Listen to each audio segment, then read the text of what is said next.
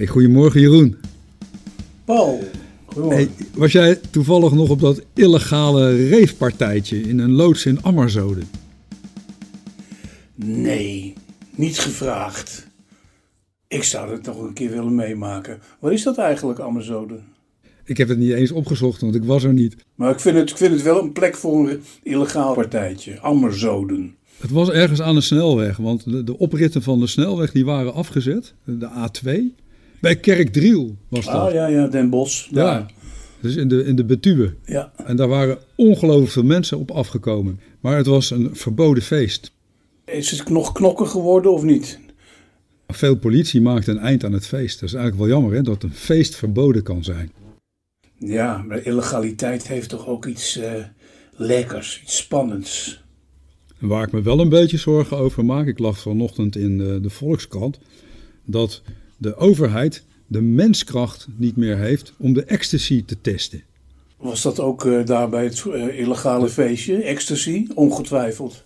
Ja, ik, ik denk het wel, ja, ik denk het wel. Maar dat is toch een bizar verhaal, joh. Het stond in de Volkskrant van eh, vandaag. Dat de overheid, hè, die test de illegale pillen. Dat wordt allemaal uit belastinggeld betaald. En nou is er een probleem, want de overheid heeft niet genoeg mensen om de pillen te testen. Ja, het is toch wel een rare wereld waarin we leven, of niet? Kun je nagaan hoe groot het probleem is met de ecstasy. Blijkbaar eh, is het eh, zo omvangrijk dat er personeelstekort is. Ja, ik heb, ik heb het nooit ge- geprobeerd. Jij? Nee, één keer cocaïne en toen had ik het gevoel alsof ik bij de tandarts was geweest. nee, ik, ik, dat soort drugs, nee. Nee, niks Ja. voor mij ook. Rare Wat hebben we nog meer deze week eh, te Nou ja. bespreken, Jeroen? Het speldje. Eh, we spreken op de dag van Nederland-Qatar. En ehm, in plaats van eh, de eh, armband voor One Love komt Nederland met een speldje. Noem het maar zwaar geschud. ja, en gaat het helpen, Jeroen? Nou ja, het is op de dag dat ik lees uit eh, de mond van de organisator, het hoofd van het WK, Hassan al-Tawadi, dat er eh, inderdaad meer dan drie doden zijn gevallen. Eh, mogelijk zelfs tussen de 4 en 500 Waarbij? eh, bij de bouw van de stadions. Dit is nieuws van vandaag, uit de mond van de organisatie zelf. Dus dat wordt alvast eh, wat serieuzer genomen en niet meer gebagatelliseerd daar. Dus zou zo'n speldenprikje van Nederland ze misschien. Nou ja. Geloof je het zelf dat het enig effect heeft? Nee, het kan averechts werken, denk ik. Je ziet nu dat veel Europese landen die eh, die banden dragen ook worden uitgeschakeld. Hè? Straks is het een, eh, een feestje voor Zuid-Amerikaanse landen, Aziatische landen, Afrikaanse landen en een enkel Europees land, Zuid-Europees land. Spanje, Portugal. Ja, ik weet niet hoe het Nederland gaat doen. En dan is er een hoop consternatie eh, gemaakt. Maar eh, ja, er is nog wel werk aan de winkel wat betreft de bestrijding van eh, racisme en discriminatie in de hele wereld. Dat ligt eh, veel breder natuurlijk dan eh, Qatar. Alleen, wat ik, zo, ik zo mooi vind, is het bestaan van een secretaris-generaal van de KNVB. We hebben een secretaris-generaal van de KNVB. En die zegt op een vraag van Kees Jonkind van de NOS of dit wel een sterk gebaar is, dat speeltje. Nee, het gaat niet om sterkte, maar om impact. Nou, dat vind ik toch ook wel een hele mooie manier om eh, de werkelijkheid te spinnen. Ja, ik had denk ik het aardiger gevonden als we op eh, de televisie eens een keer een hele mooie documentaire hadden gezien. Waar we Qatar eens een beetje beter hadden leren kennen. En nou eens precies wisten van wat is er nou aan problemen in dat land. Hè? Hoeveel politieke gevangenen hebben ze eigenlijk? Worden er mensen gemarteld? Worden er mensen opgesloten? Eh, hoe zit het daar met homoseksualiteit? Kan je dat op geen enkele manier beleven in dat land? Word je opgesloten, gestenigd? Eh, Hoe zit dat nou met die bouw? Want ik hoorde dus ook, en dat heb ik dus op verschillende eh, buitenlandse kranten gelezen, dat bij die bouw ook allerlei Europese aannemers betrokken waren, die ook mensen in dienst hadden. Ik zag er ook iets van op de Belgische televisie. En dat die zich ook allemaal niet al te netjes hebben gedragen. Dus zo'n speltje is, is misschien een mooi symbool voor aandacht, maar het gaat natuurlijk helemaal niet om dat speltje. Het gaat om wat gebeurt er nu in, in de wereld als geheel op dat gebied. Nederland was altijd gidsland. Nou, ik durf ons dat niet meer te noemen. Nee, en stel je nou voor dat uh, Oranje vandaag ook nog wint van Qatar. Dan zie ik mevrouw Helderdaard toch uh, met haar speldje in haar revers naar de emir lopen om haar excuses aan te bieden. Voor het verlies? Ja, dat Qatar heeft verloren van Oranje. Direct excuus. Hadden we niet moeten doen. we zien wel. We zien wel, Ex, excuses, excuses. Uh, Nederland maakt er binnenkort een heel reizend circus van om ze overal aan te bieden. Hè? Excuses voor de slavernij. Dat is wel een serieus onderwerp, vind ik. Vind ik ook een heel moeilijk onderwerp. Moeilijk om te bedenken wat ik daar nu van vind. Het is een lastig onderwerp. Het is binnenkort 150 jaar geleden dat uh, in Nederland uh, de slavernij werd afgeschaft. Ja, 1 juli 2023. Dat is een goede dag om wel eens even heel lang en uitgebreid bij stil te staan. Is er al niet voldoende bij stilgestaan? Uh, er zijn toch ook met musea nogal veel evenementen geweest. En over museum gesproken. en over denken over slavernij gesproken. Ik ben al vroeg deze eeuw, het was notabene uh, op een tournee van QB en de Blizzards, in Curaçao terechtgekomen in Willemstad. En daar heb je het Slavernijmuseum. Nou, dat was toen nog vrij recent geopend. En als je al uh, niet voldoende geïnformeerd was, dan weet je het wel door deze tentoonstelling. Want die liet allerlei manieren zien om mensen uh, kort te houden, om ze te kooien, om ze te ketenen. Het was om woedend van te worden, wat je daar allemaal zag. Um, ja, je had het over een documentaire. Ik kan me haast niet indenken dat mensen in Nederland toch zo langzamerhand niet beseffen wat die slavernij inhield. Was natuurlijk de meest verschrikkelijke vorm ook van racisme van ontmenselijking. Het is natuurlijk een verschrikkelijke tijd geweest. En dat, een tijd waarin dat soort misstanden, eh, ja, misdaden tegen de menselijkheid, eh, ja, geaccepteerd werden in, in, in de westerse wereld. En dat we daar nog eens een keer goed bij stilstaan, dat het 150 jaar geleden pas, pas is afgeschaft. Ik vind dat wel een heel groot goed. Aan de andere kant denk ik ook, eh, ja, de Nederlandse staat kan daar best, als dat ook mensen helpt, eens een keer een excuus voor aanbieden.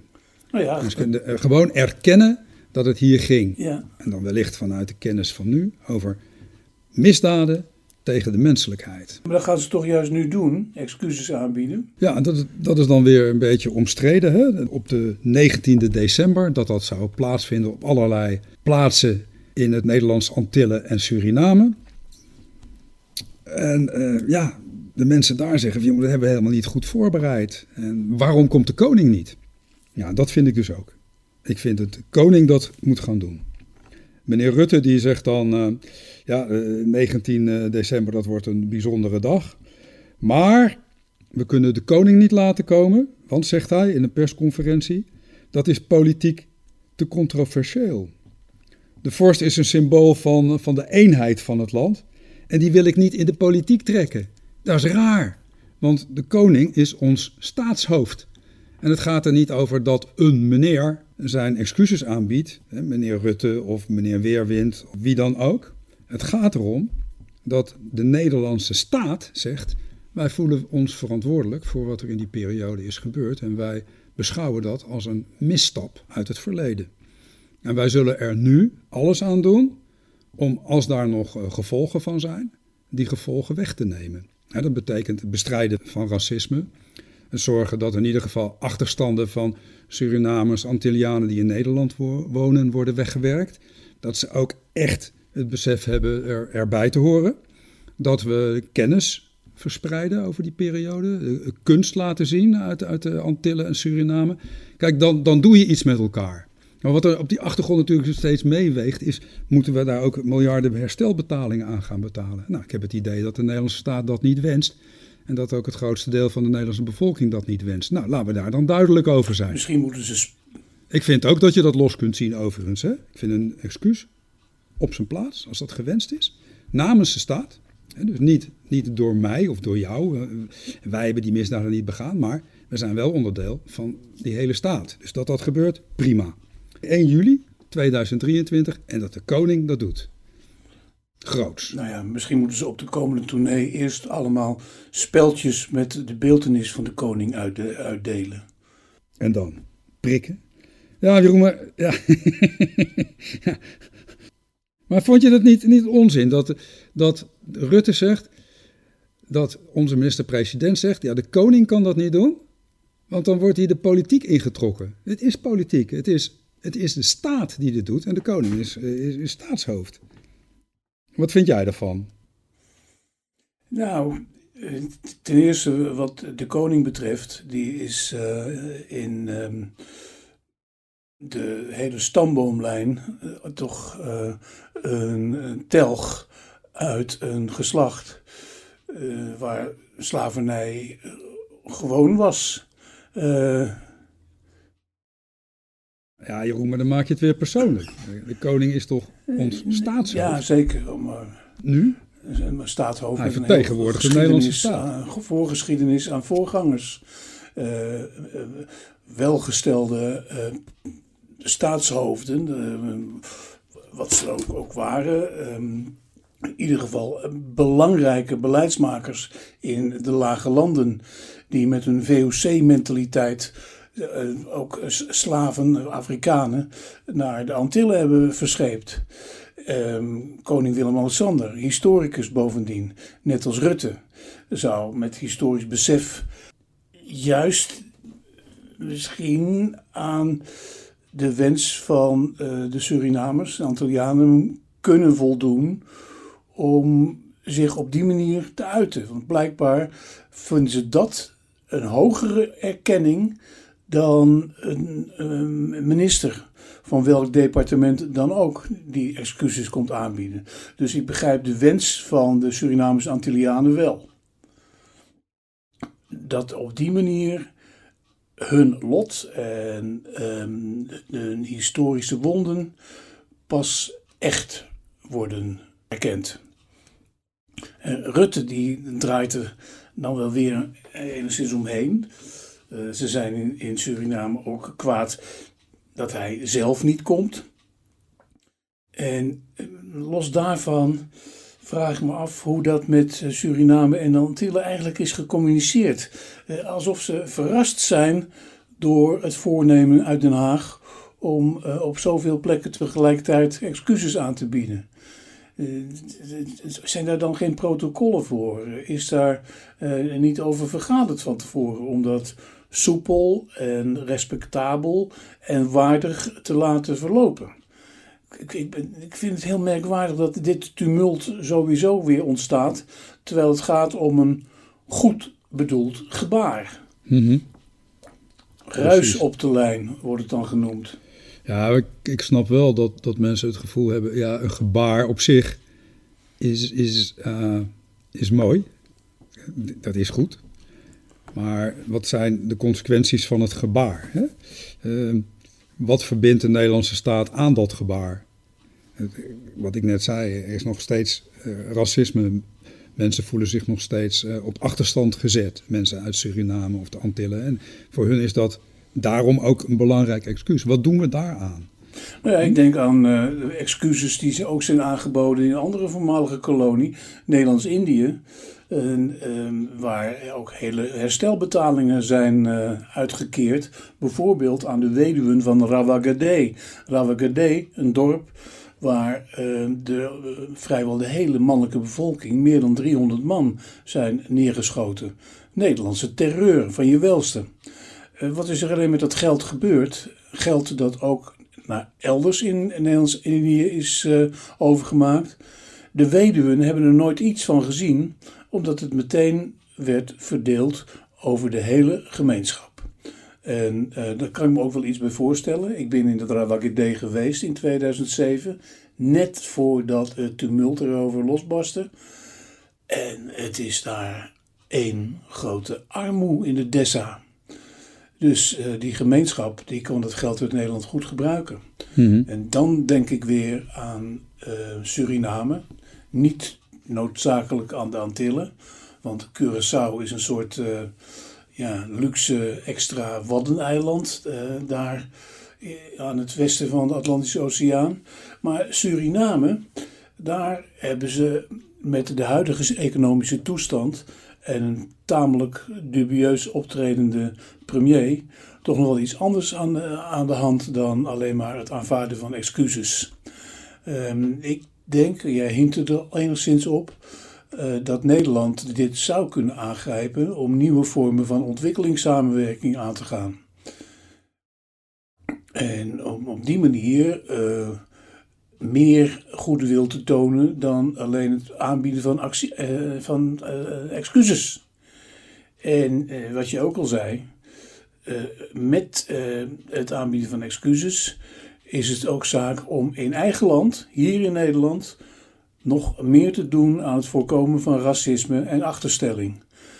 Wat bijvoorbeeld toch onderdeel is gebleken van de schande van de toeslagenaffaire. Die voor een belangrijk deel ook te maken had met discriminatie.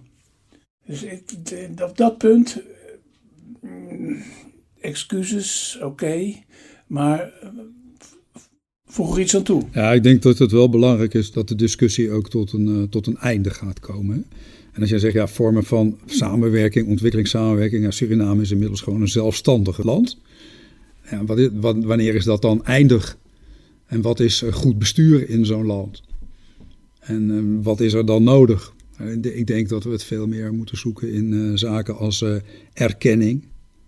voor wat we eraan doen om juist die, die achterstanden, dat racisme op te lossen. En ook eens iets te doen aan ja, culturele uitwisseling, want daar hebben we toch altijd veel met elkaar te maken gehad. Maar uiteindelijk, in Nederland moet je komen tot, tot een land van, van landgenoten, waar we gelijkwaardig aan elkaar zijn en waar niet de ene helft van het land zich slachtoffer voelt en de andere helft als dader wordt aangemerkt. Ik denk dat dat laatste heel essentieel is op zo'n dag van excuses. Dat moet ook een dag zijn van verzoening, want anders werkt het volgens mij niet. Ja, de, de reconciliation uh, je kunt je afvragen, met een dergelijk verleden kun je natuurlijk je nooit verzoenen. Maar de nazaten, de mensen die nu leven, kunnen zich wel met elkaar verzoenen. En dat, dat, het hele idee van daders, slachtoffers, dat speelt nog in zo'n discussie. Dat we dat eens proberen achter ons te laten. En dat we daar eens aandacht en tijd aan besteden. Ja. Nou, een, een, een, een staatshoofd kan daar met een hele goede toespraak misschien aan bijdragen. Nou ja, uh, Willem-Alexander is pas geleden nog naar Griekenland geweest. Niet om excuses aan te bieden, maar wel om daar bij een banket toch ook een toespraak te houden. Nou, dat zal wel toch echt niet gegaan zijn over het gehalte van de Griekse keuken. Uh, Waar ging het wel over, weet je dat? Nee, maar, nee, maar hij heeft, heeft daar gesproken. Dus, uh, ja, ja, natuurlijk. De koning spreekt. Ja, Kerstmis doet hij toch ook altijd? Laat hem spreken bij de aanbieding van de excuses. Maar het is toch wel heel raar als je als uh, regering zegt, dus als premier zegt dat je de koning niet wil laten spreken, omdat de vorst het symbool is van de eenheid in het land en omdat er over deze discussie verschillend wordt gedacht. Ja, daar zijn de mensen natuurlijk totaal niet mee geholpen dat er in dit land verschillend over wordt gedacht. Dat is bizar. Of je biedt excuses aan en dan doe je dat ruimhartig en met volle overtuiging als Nederlandse staat. Of je houdt je mond en gaat eerst aan het werk tot iedereen zich daarin kan vinden dat je wat dat betreft duidelijk, duidelijk bent. Want het is natuurlijk raar dat je zegt, nou wij komen excuses zeggen, maar in ons land is niet iedereen het ermee eens dat ik excuses kom aanbieden. Dus totaal irrelevant. Het is niet de, de, de persoon Rutte die daar excuses komt aanbieden of meneer Frank Weerwind. Tegenwoordig worden steeds meer bewindslieden bij een voornaam genoemd. Iets wat ik ook zeer betreur. Maar goed, het is de Nederland, ik zeg het nogmaals, dus Nederlandse staat. En het staatshoofd moet dat gewoon gaan doen. Klaar. Als hij het niet doet, dan kan dat daar in Suriname vooral toch ook weer worden uitgelegd als een soort blanke arrogantie. Dat zij wil uitmaken voor hun wie als hoogste de excuses komt aanbieden. Ja, alleen de koning kan niet op al die eilanden tegelijk zijn. En het is ook een beetje ongeloofwaardig als hij dat een paar dagen achter elkaar gaat doen. Dus dan zal hij het toch vanuit Noordeinde moeten doen. En dan daarna misschien op staatsbezoek. Met een palm naast zijn sofa. Of naast zijn, ja, naast zijn troon. Nou ja, wat, nog even wat dat wantrouwen betreft. Het is natuurlijk duidelijk dat het wantrouwen er nog is. En ehm, dat is ook nog niet zomaar verdwenen na het aanbieden van de excuses. Maar laten we dan maar zeggen dat het weer een hele stap verder is. En te bedenken dat er in Nederland zelf nog genoeg te doen is aan uh, het voorkomen en tegengaan van racisme. Zeker. Um, tegenstellingen, tegenstellingen in Nederland zelf. Um, was Willem Engel pas geleden toch ook weer niet uh, bezig op zijn Engels? Ja, dat was een. Uh, ja, Willem Engel die moet nu voorkomen.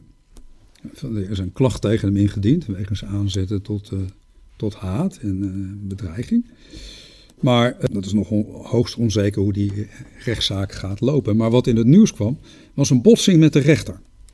Ja. En dat was een, een vreemd incident wat niet op zichzelf staat. We zagen dat in, een, in één week tijd twee keer achter elkaar. Willem Engel die schreef iets op. En de rechter zei, wat schrijft u op? Willem Engel zei toen, wat u zojuist heeft gezegd. Waarom schrijft u dat op, meneer Engel? Ja, want dat kan ik eventueel later gebruiken. En toen begon die rechter, ja, dat vind ik niet zo gezellig. Ik vind het niet zo gezellig meer, meneer Engel. En hij werd heel geïrriteerd, omdat hij het gevoel had dat Willem Engel uh, zijn onpartijdigheid in twijfel trok. En daar werd hij boos over. En hij werd zo boos dat hij wegliep, geïrriteerd. Een rechter is een magistraat die recht spreekt. En wat hij daar persoonlijk van vindt, dat is volstrekt irrelevant. En hetzelfde zagen we met mevrouw Simons. Die had zich eh, in de Kamer boos gemaakt over het uh, laconieke, in haar ogen, politieoptreden in Staphorst toen daar Zwarte Piet-betogers werden belemmerd in hun eh, vrijheid van demonstratie. En zij verweet op het moment de politie racisme. En dat deed ze op een hoogst geïrriteerde toon. Dat ze kan zeggen in de Kamer wat ze wil, dat is duidelijk. Als parlementariër, als vertegenwoordiger van haar partij. Maar zij zei meer, twee keer of drie keer achter elkaar: Ik ben geïrriteerd. En nu zie je hoe geïrriteerd ik ben. En daarna liep ze weg. Ja, dat is bizar. Want die mevrouw is niet een persoonlijkheid die daar staat namens zichzelf, maar namens haar kiezers. Is een Kamerlid en behoort zich ook zo te gedragen. En je zag dan ook weer dat de voorzitter van de Tweede Kamer de microfoon moest uitdraaien om haar het woord te ontnemen. Dus dat is raar. Hij heeft geen gezag blijkbaar. En nou, dit is hetzelfde, vind ik, een beetje wat je ziet met, uh, zeg maar, Piet. Piet, de man van landbouw, de minister. Die het nu moet oplossen met de boeren. Ja. Precies. Die was op een gegeven moment bij een bijeenkomst en dan spreken de mensen hem aan met meneer. Vroeger deed je dat met excellentie of minister. En nu zegt hij, zeg maar Piet. Ja, hij zit daar helemaal niet als Piet. Hij zit daar als minister.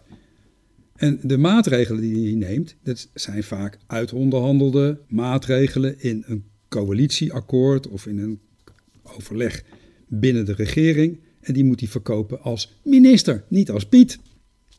Niet als persoon. En als mensen daar moeite mee hebben, moeten ze ook niet aankloppen bij de minister als Piet, hè, als persoon bij zijn woonadres, maar naar het ministerie gaan. Of zijn partij erop aanspreken.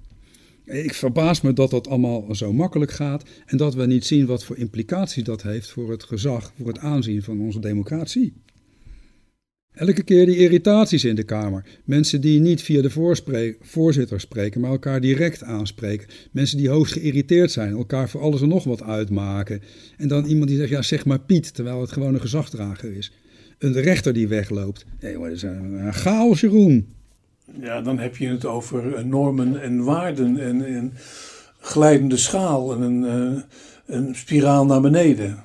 Om het, om, om, het, om, om, het, om het samen te vatten. Zit er wat in dat je niet Piet zegt tegen de minister. Wat denk je? Nou, die, die man heeft het gedaan eh, in een periode van grote woede en ophef. Om op deze manier op een amicale popiopie-achtige wijze de boeren voor zich uh, in te nemen. Maar helpt dat dan? is eigenlijk, dat zou gewoon bedrog zijn. Als je iemand op zo'n manier voor je inneemt en vervolgens met maatregelen komt die daar helemaal geen gehoor aan geven. Aan die innemendheid. Nou ja, hij heeft inmiddels uh, ook toch laten blijken dat uh, de beroemde stikstofnorm uh, niet in beton is gegoten. Dus dat er nog wel mee te marchanderen is. De, het overglijdende schaal gesproken. Ja, dan hebben we dus een urgentie in Nederland. We hebben uitspraken van de rechter. We hebben een regering die door politieke partijen wordt opgeroepen daar wat aan te gaan doen. Die komt dan met een aantal maatregelen. Durven ze zelf niet door te zetten vanwege onrust. Al of niet terecht, hou ik me even buiten. Benoemen dan een bemiddelaar, meneer Remkes. En vervolgens, we hadden het er vorige week al over, gebeurt er weinig. En dan krijg je een minister die zegt, ja, het kan ook 2030 worden, het kan ook 35 worden. Of, dus de urgentie is blijkbaar weg. Dan heb je dus een regering die niet regeert. En een persoon, een, een privépersoon, die als privépersoon afstand neemt van de vooraf aangekondigde regeringsmaatregelen. Ik vind het bizar. Dat ondergaaft volgens mij elk geloof in autoriteit van een overheid. Het zijn die kleine dingetjes die, die er alles bij elkaar toch wel toe doen, denk ik hoor. Ja, maar moet hij dan weer uh, zich als excellentie opstellen? Ja. ja. Hare majesteit, excellentie, meneer de rechter. Wat zeg je tegen de rechter? Weet jij dat nog? Ik ben nooit, ben nooit bij de rechter geweest. Eerwaardig. Wat zeg je tegen de rechter? Eerwaardig, geloof ik. Oh ja. Nee, dat is de dominee, toch? Ja. Edelachtbare, ja. zoiets. Oh, edel, ja, ja, edelachtbare. Ja, zeker. Ja. Edelachtbare. Nou, weet, ja. weet, je, wij zijn al dus, allemaal dit soort termen vergeten. Omdat juist in de 60s en de 70s, waarin wij voor een deel, belangrijk deel zijn opgegroeid, al dat soort magistraten omver zijn gekegeld. Ja. En het je en jij werd tegen de minister. Precies. En Ruud tegen Lubbers. Ja. Uh, dus dat, het is, dat is uh, niet van deze tijd. Maar dat is al 50 jaar geleden, een halve eeuw geleden in gang gezet. En nu uit het zich als een losgeslagen bende. Ja, ook op school hè. De kindertjes en de leraar. En de kindertjes kunnen nu helemaal niet meer lezen. Krijgen ze, nee, precies. We zijn de slechtste van Europa wat leesvaardigheid betreft. Dat is wel een slechte zaak hoor. Maar ze mogen wel Jaap zeggen tegen de, de, ze mogen wel Jaap zeggen tegen de leraar. Maar even nog terug te keren op, um, op die Willem Engel. Die staat niet voor niets terecht. Namelijk uh, voor opruiing uh, na aangifte van meer dan 20.000 vaderlanders. En dat zijn natuurlijk juist de mensen, onderdeel van het volk, die daar terecht bezwaren tegen hebben gemaakt. En het merkwaardige van deze tijd is dan inderdaad dat zo'n rechter niet koel blijft eh, als rechter, als magistraat, maar geïrriteerd opstapt. Dat vind ik niet de goede opstelling. Misschien niet de goede rechter voor Willem Engel. Die op deze manier toch ook weer een momentum kreeg wat hij duidelijk was kwijtgeraakt. Ja. Maar ja, de rechtsgang is traag.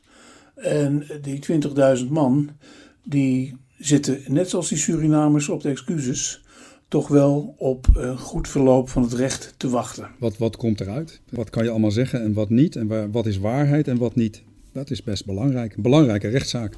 Dat vind ik van het grootste belang, omdat er juist zoveel tumult en irritatie is ontstaan over informatie, desinformatie en nepnieuws. Mm -hmm. Juiste, goed geargumenteerde rechtelijke uitspraak zou heel veel helpen om dit soort waanzin op te lossen, of in ieder geval te temperen. In een klimaat en een sfeer en een land vol irritatie. Nou ja, eerst maar eens die uitspraak afwachten. Hè? Want is het strafbaar wat hij heeft gezegd? Of is het uh, dat niet? En, en, wat is er dan precies gezegd? En is dat uh, op een juiste manier uh, aangedragen? Kijk, iemand als Willem Engel, en er zijn meerdere van dat soort agitatoren, want dat mag je hem toch wel, wel noemen, die um, wel heel zorgvuldig hun woorden kiezen hoor. Heel goed weten wat ze doen. En ook wel proberen om binnen de, de wet te blijven. Maar niet zodanig dat 20.000 mensen aangifte tegen hem doen. Dus dan heeft hij toch blijkbaar iets, toch iets fouts gezegd. Ja. Geen speldje. Nee. Nee, dat denk ik ook niet. Zeker. Hey, veel plezier eh, met eh, de, de, de voetbalwedstrijden. En prik je niet Nee. in een speltje. Hoi. Hoi.